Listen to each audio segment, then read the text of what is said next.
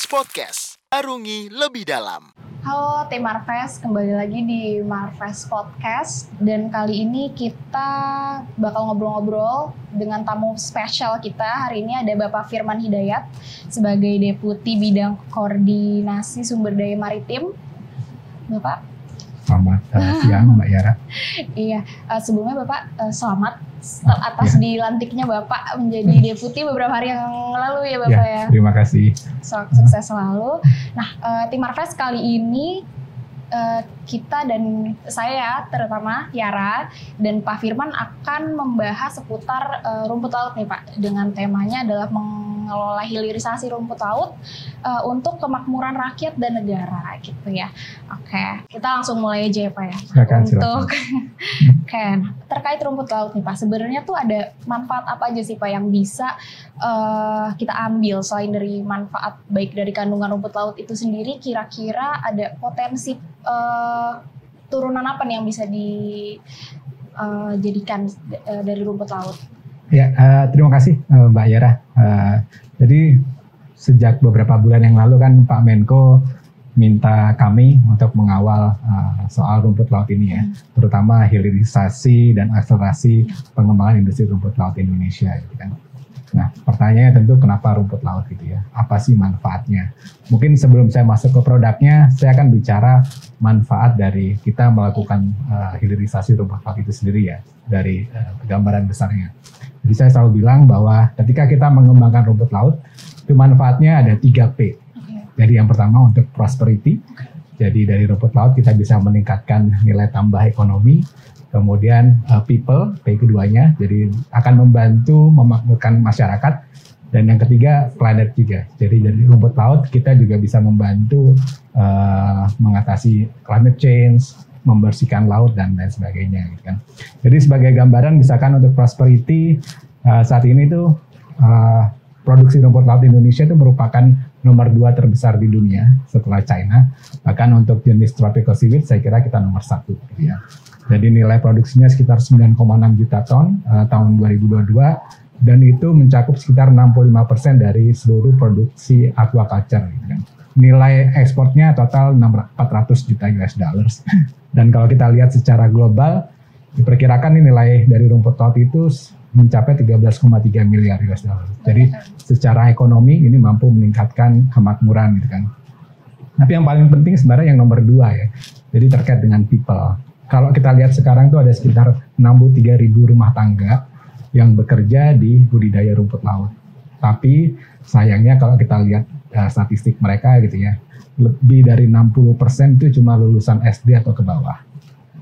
50% rumahnya baru beratapkan seng, 40% rumahnya berdinding kayu, dan yang punya akses ke perbankan tuh baru kurang dari 6%. Jadi artinya ketika kita bisa mengembangkan industri ini, manfaatnya buat masyarakat ini akan sangat-sangat besar gitu ya. Jadi bukan hanya ekonomi gitu tetapi juga akan bermanfaat pada masyarakat yang sebenarnya menengah ke bawah. Dan yang terakhir terhadap planet, saya kira uh, rumput laut itu bisa jadi bioindikator untuk kesehatan laut. Kemudian dia juga menyerap oksigen, dia bisa menjadi habitat bagi biota lain seperti ikan gitu ya uh, laut dan juga dia membantu mengatasi uh, iklim apa perubahan iklim dengan menyerap uh, karbon juga tuh. Jadi potensinya ada tiga tadi. Uh, jadi saya kira itu cukup cukup besar. Jadi untuk alasan kenapa rumput laut memang uh, banyak manfaatnya bagi yeah. Uh, masyarakat bagi planet pun ada gitu ya uh, manfaat dari rumput laut sendiri. Nah untuk uh, inovasi yang bisa kita lakukan uh, terkait rumput laut saat ini tuh ada apa aja ya Pak? Uh, jadi kenapa akhirnya hilirisasi gitu ya? Iya. Kalau kita lihat data yang ada sekarang, tadi saya cerita 400 juta US dollar udah kita ekspor. Sayangnya baru sekitar 67 persennya itu dalam bentuk raw material. Jadi rumput laut kering gitu. Kemudian sisanya itu masih dalam produk yang semi proses lah, agar-agar sama kerajinan. Padahal potensinya bisa macam-macam gitu ya uh, dari rumput laut. Uh, yang sekarang sudah ada kan tentu untuk uh, food additive gitu ya. Jadi kalau kita pengental biasanya pengental makanan tuh di es krim, kadang-kadang di odol juga gitu ya. Banyak itu udah udah udah udah wajar. Nah kemudian dipakai juga di kosmetik, produk-produk kesehatan gitu kan. Karena memang high value. Tetapi sebenarnya potensinya lebih dari itu. Dan saya kira potensinya kayak misalkan itu bisa digunakan untuk produk pertanian. Jadi dari siwit kita bisa create uh, biostimulan itu kayak vitamin tapi untuk produk pertanian atau uh, pupuk organik gitu kan. Jadi pupuk yang lebih bagus terhadap uh, kualitas tanah jadi nggak perusak kayak pupuk non organik gitu ya. Jadi dari situ sebenarnya uh, robot laut bisa berperan juga untuk mengatasi masalah uh, pangan gitu kan. Jadi karena kualitas tanah nggak rusak dan beberapa studi menunjukkan produktivitas dari produk pertanian jadi meningkat ketika kita menggunakan produk dari rumput laut. Kemudian yang penting juga saya kira adalah uh, dari rumput laut itu kita bisa bikin biodegradable plastics ya. Jadi plastik yang terurai. Dan kita tahu kan saya kira ada sekitar 11,6 juta ton sampah plastik di Indonesia tiap tahun yang tidak bisa terurai. Nah, kalau kita bisa ubah rumput laut menjadi plastik biodegradable, maka ini bisa membantu mengatasi masalah uh, lingkungan, masalah plastik. Dan sebenarnya holy grailnya itu juga bisa untuk uh, biofuel ya, biofuel. Uh, meskipun ini panjang lah prosesnya bisa digunakan untuk membuat crude oil. Sama satu saya lagi saya lupa, ini juga sebenarnya bisa menggantikan noodles ya, uh, gandum. Jadi saya kira ini juga menjadi bahan makanan yang relatif lebih sehat dibandingkan dengan yang ada. Karena dia uh, bisa ngasih rasa asin, asin tanpa garam gitu ya, dan juga kandungan kalorinya lebih rendah dibandingkan produk-produk yang lain. Yes, yes. Berarti memang inovasi rumput laut ini banyak banget Banyak. dan turunannya memang eh, sangat banyak sehingga kita bisa ekspor yang bukan raw material dengan men- untuk meningkatkan value ekspor kita Iya. gitu ya Pak dengan Hmm. banyaknya produk turunan dari rumput laut ini. Nah, untuk bisnis atau inovasi pengolahan rumput laut kita di Indonesia saat ini tuh eh, gimana ya Pak? Karena eh, kita tahu di Hanover Jerman rumput laut itu kan udah bisa diubah menjadi eh, energi hijau gitu ya atau eco-friendly green energy. Nah, apakah kita akan mengarah ke sana juga atau is a long way to go atau gimana? Seperti saya bilang tadi itu holy grailnya ke sana. Iya. Paling akhir kita mau coba ke sana. Kita tetapi dalam perjalanannya kita harus bertahap Iya. ya. Jadi kita harus punya roadmap gitu kan Hmm. eh, menuju ke sana. Karena untuk bisa menghasilkan produk-produk yang tadi saya sebutkan juga tidak mudah gitu kan. Bertahun-tahun lamanya kan kita hanya produksinya ya tadi raw material gitu kan. Ram- eh, apa rumput kering atau kerajinan agar-agar gitu kan. Nah, untuk bisa ke produk turunannya itu kuncinya sebenarnya satu gitu. Gimana kita bisa mengurangi cost dari eh, budidaya dan eh, pengolahan rumput laut. Jadi sekarang relatif agak mahal. Hmm. Jadi kurang lebih antara 1000 dolar per ton sampai 2000 dolar per ton gitu ya uh, costnya. Nah makanya akhirnya dia bisa cuma produksi produk-produk yang emang high value. Oke. Kayak kosmetik itu kan high value ya. Nah untuk bisa misalkan turun ke jadi bioplastics, mau nggak mau supaya dia bisa uh, terjual dan bisa dikomersialisasi, harganya kan harus compete dengan harga plastik reguler yang saat ini super murah gitu kan plastik reguler. Jadi hitung-hitungannya kalau kita mau bisa bikin plastik uh, yang degradable dan bisa compete, har- biayanya harus turun lebih dari 50%. Jadi sekitar di bawah 600, 500 dolar per ton. Tadi saya bilang juga misalkan ini bisa dipakai untuk menggantikan gandum dalam uh, mie gitu kan. Padahal gandum harganya sekarang 300 dolar, 400 dolar per ton gitu kan. Kalau mau menggantikan gandum ya mau nggak mau harga dari budidaya rumput laut harus turun se- sebesar itu juga gitu kan. Jadi kuncinya itu dan nanti ke biofuel ke, crude oil itu lebih jauh lagi. Jadi kurang lebih untuk bisa bersaing dengan crude oil sekarang gitu ya di harga 70-80 dolar per barrel, dia harus turun sampai costnya sekitar 100 dolar per ton. Jadi mau nggak mau uh, tadi biayanya harus kita turunkan. Nah gimana caranya gitu ya? Kenapa sekarang mahal? Karena sekarang tuh rata-rata kan skala kecil ya, small scale holder gitu kan. Skalanya kecil, kemudian metodenya juga tradisional. Kalau di ekonomi gitu kan, kalau kita mau reduce cost, simple. Skalanya dia harus diperbesar dan dia harus bisa uh, naikin produktivitas melalui teknologi. Jadi yang ke depan yang mau kita dorong, bagaimana kita bisa menciptakan budidaya skala besar atau large scale ocean farming sama penggunaan teknologi supaya produktivitasnya meningkat, cost-nya bisa turun. Itu yang nanti mau kita kerjakan. Saat ini Pak kan banyak tadi udah disebutin produk-produknya. Nah, untuk saat ini yang sudah terlaksana gitu, yang sudah memang kita produksi dan sudah didistribusi itu apa aja ya Pak produk? Eh, kalau food additive saya kira banyak ya, agar-agar, kerajinan, kosmetik saya kira juga udah mulai banyak, makanan ada beberapa, uh, tapi yang sudah mulai ada juga itu ada biostimulan sama pupuk ya. Jadi ada beberapa perusahaan uh, di startup di Indonesia yang sudah mampu memproduksi pupuk dari rumput laut dan beberapa juga sudah mulai mencoba ya melakukan piloting gitu ya di beberapa tempat dan hasilnya sangat baik gitu ya, mampu meningkatkan produktivitas dengan uh, lebih tinggi daripada pupuk biasa dengan biaya yang lebih rendah sehingga pendapatan dari petani uh, bisa mengalami peningkatan gitu kan.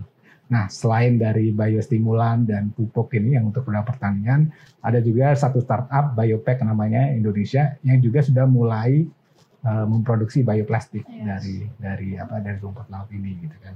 Uh, saya kira ini kalau beberapa penelitian juga sebenarnya sudah menunjukkan ada yang bisa menghasilkan tadi rumput laut untuk mie, untuk garam dan segala macamnya gitu kan.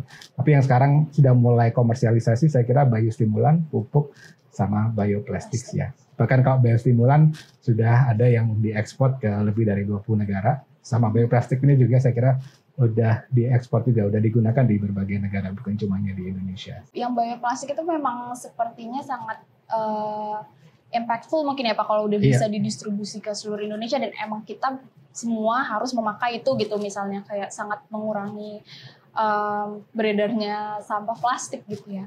Iya. Seperti apa sih? Tadi untuk potensi sih sebenarnya udah dibahas ya pengembangan rumput laut Indonesia gimana nih. Tapi untuk nilainya uh, secara uh, keekonomian gitu Pak misalnya, uh, bagaimana boleh tolong dijelaskan? Uh, secara keekonomian saya kira banyak ya. Yeah. Uh, tadi saya cerita misalkan hmm bioplastik ya. kalau bicara potensi ekonominya gitu kan. Saat ini tuh pangsa pasar bioplastik secara global tuh nilainya sekitar 7,1 uh, miliar US dollar.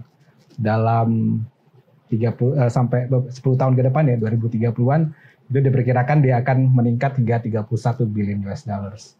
Jadi rata-rata pertumbuhannya 18 persen. Jadi ini kan potensi yang kita bisa tangkap oleh Indonesia, bukan cuma domestik ya. Jadi global juga gitu kan. Kalau kita bicara di dalam negeri gitu ya, produksi nilai produksi plastik untuk kemasan di Indonesia itu tahun 2022 75 triliun. Jadi artinya kalau ada yang bisa digantikan dengan bio uh, degradable dari rumput laut, ini kan uh, saya kira potensi market yang yang besar juga gitu kan. Nah kalau bicara lainnya misalkan tadi makanan gitu kan, kita saat ini itu uh, 100% impor gandum gitu kan yang kita gunakan untuk berbagai macam gitu ya untuk roti untuk uh, mie dan segala macam gitu. 100% kita impor. Kalau sebagian aja kita bisa gantikan dengan rumput laut kan juga nilainya juga lumayan gede juga itu kan. Kita bisa uh, menggantikan impor gandum tersebut terus makanannya juga relatif lebih sehat gitu ya dibandingkan dengan produk yang ada dan tentunya kalau kita bicara crude oil gitu ya. Kita kan impor sangat besar gitu ya, 300 ribu barrel per hari gitu ya. Dengan nilai yang uh, miliaran dolar, kalau kita bisa gantikan sebagian dengan rumput laut dan atau renewable energi yang lain, saya kira ini juga potensi market yang yang sangat sangat besar juga. Gitu.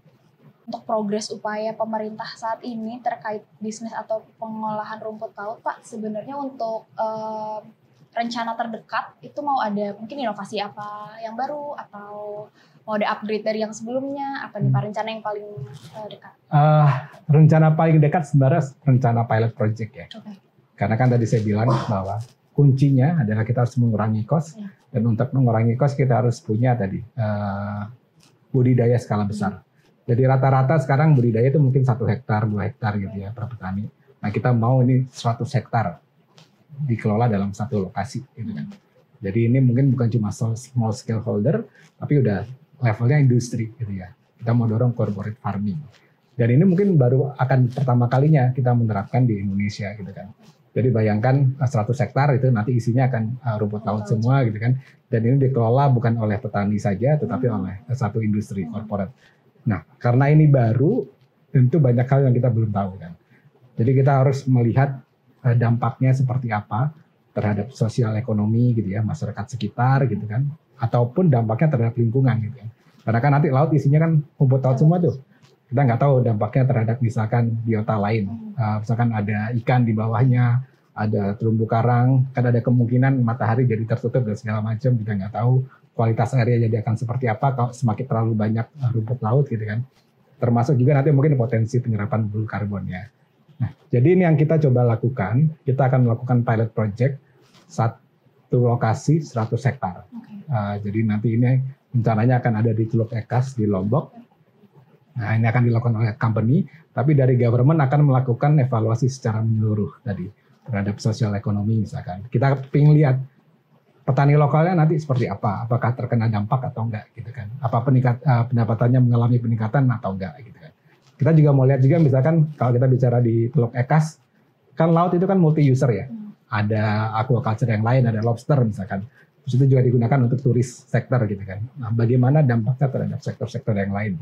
Nah, ini kita mau lihat gitu kan. Termasuk nanti karena ini adalah corporate farming, nah kita mau cari model yang paling pas nih antara uh, si industri, si perusahaan dengan masyarakat lokal, petani lokalnya seperti apakah? Apakah nanti mau model inti plasma seperti CPO dan uh, lain-lainnya? Ini nanti kita akan evaluasi, termasuk yang tadi uh, dampak terhadap environment. Jadi dari pemerintah saat ini udah melakukan baseline survey, Nah, jadi kualitas airnya kita udah cek.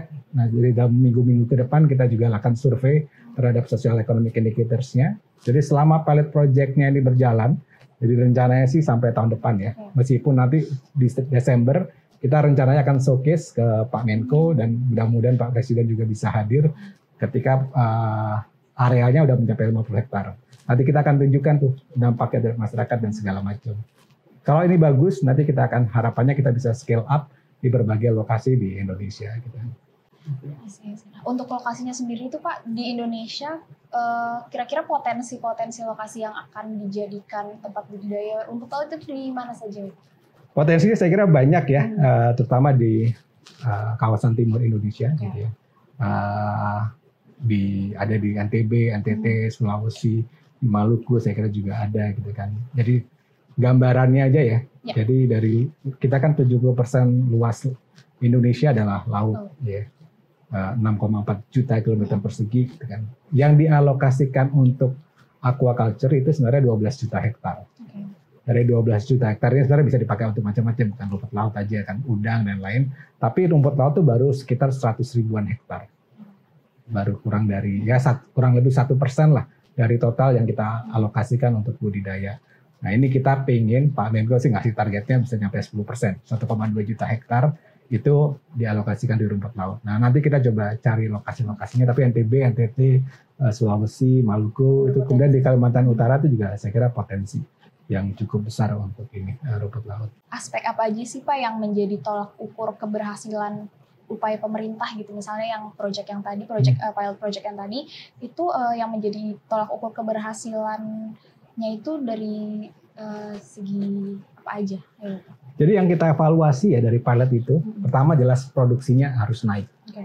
Jadi produksinya harus meningkat dengan produktivitas yang tinggi juga, tapi kualitas terjaga, gitu kan. Oke. Kan selama ini eh, salah satu permasalahan dari industri, kenapa industri nggak berkembang, produksinya nggak continue dengan standar yang beda-beda, Hmm. gitu kan. Nah kalau kita bisa buktikan produksinya naik, produktivitasnya naik dengan standar yang bagus, itu salah satu kunci, gitu ya. Kemudian yang kedua tentu kita harapkan pendapatan petani mengalami peningkatan gitu kan.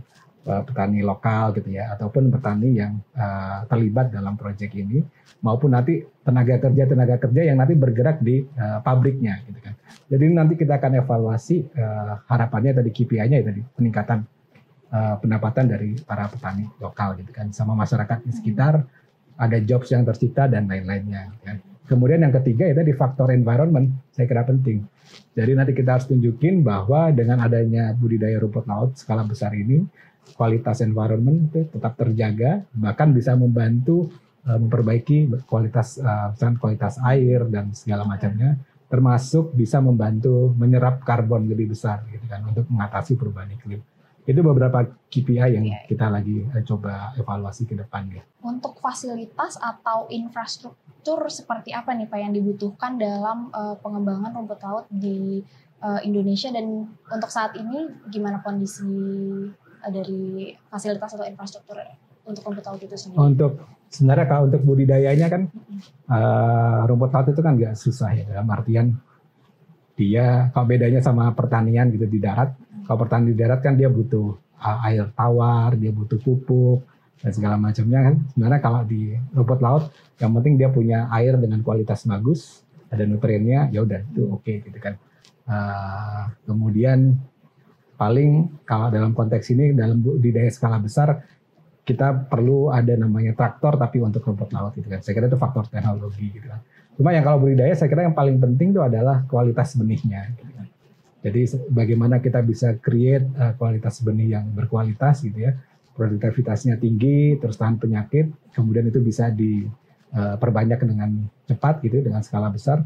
Saya kira itu kunci untuk budidayanya. Nah untuk uh, pengolahannya sendiri uh, yang paling penting tentu fasilitas seperti sama sama halnya dengan pabrik-pabrik yang lain ya. Mereka butuh jalan, hmm. konektivitas yang bagus, logistik yang bagus gitu kan. Itu saya kira itu beberapa fasilitas atau infrastruktur yang diperlukan untuk saat ini. Uh, ini out of curiosity aja sih Pak mau tanya. Hmm. Kan kalau tadi tuh fasilitasnya gitu. Nah kalau untuk uh, eh, SDM-nya sendiri, untuk sumber uh, daya manusianya sendiri, misalnya masyarakat yang ada di sana kan diharapkan itu bisa menjadi peluang lapangan pekerjaan untuk mereka gitu ya. Nah dari pemerintah apakah ada usaha untuk uh, mengedukasi dulu masyarakat mengenai ini loh kita tuh di tempat ini ada potensi untuk mengembangkan rumput laut dan manfaat rumput laut itu sendiri atau uh, ada usaha apa untuk ya untuk mengedukasi masyarakat terlebih iya. dahulu? Yeah. Nanti saya kira dari Kementerian Kelautan dan Perikanan mereka punya banyak program ya hmm. untuk membantu mengedukasi para petani kita terkait dengan kualitas rumput laut, metode yang benar hmm. untuk melakukan budidaya rumput laut gitu kan dan saya kira banyak juga lembaga-lembaga donor gitu ya yang memberikan bantuan untuk uh, bisa mengedukasi para petani. Tapi nanti ke depan uh, dengan corporate farming ini juga kita harapkan si perusahaan ini juga bisa membina para petani-petani tadi gitu ya, para petani budidaya rumput laut untuk bisa menerapkan standar-standar yang baik uh, untuk uh, budidaya. Selain itu juga kan harapannya sih nanti kita pengennya para petani ini juga bisa mengakses teknologi ya, yeah. teknologi yang dikembangkan. Untuk itu uh, teknologi yang dikembangkan sebenarnya tidak terlalu uh, susah, gitu kan. Jadi harapannya nanti dari para uh, korporasi ini juga bisa mengajarkan uh, cara menggunakan teknologi kepada para uh, petani lokal. Nah, untuk yang uh, terakhir, uh, Bapak, ya gimana sih uh, langkah dan seperti apa optimisme pemerintah terkait inovasi bisnis dan pengolahan uh, rumput laut ini agar bisa menjadi nilai bagi negara? Kami sih optimis ya, uh, karena kami berpendapat bahwa pengembangan satu industri itu ujung-ujungnya kan harusnya private sector ya hmm. yang melakukan gitu kan government kita di government melakukan fasilitasi gitu kan. Nah, kenapa saya optimis? Karena kita lihat sebenarnya saat ini sudah ada nih perusahaan-perusahaan yang emang membuktikan bahwa industri rumput laut ini bisa jalan. Tadi saya cerita misalkan ada bioplastik, biopack, dia udah uh, ekspor ke beberapa negara gitu kan. Tadi yang large scale ocean farming, saya kira ada satu company yang namanya C6 yang bertempat di Buleleng gitu kan. Mereka udah tujuh tahun di sini. Mereka melakukan riset untuk large scale ocean farming dan mereka udah bisa bikin kayak traktor untuk rumput lautnya gitu kan. Dan sama mereka juga udah mulai ekspor ke beberapa negara gitu kan. Ada juga misalnya tadi saya cerita uh, namanya Seaweed Impact, ini produknya Region gitu. Mereka udah bisa memproduk uh, memproduksi rumput laut sorry untuk pupuk gitu kan. Yeah. Dan udah dicoba di beberapa tempat gitu kan dan hasilnya sangat-sangat baik gitu kan.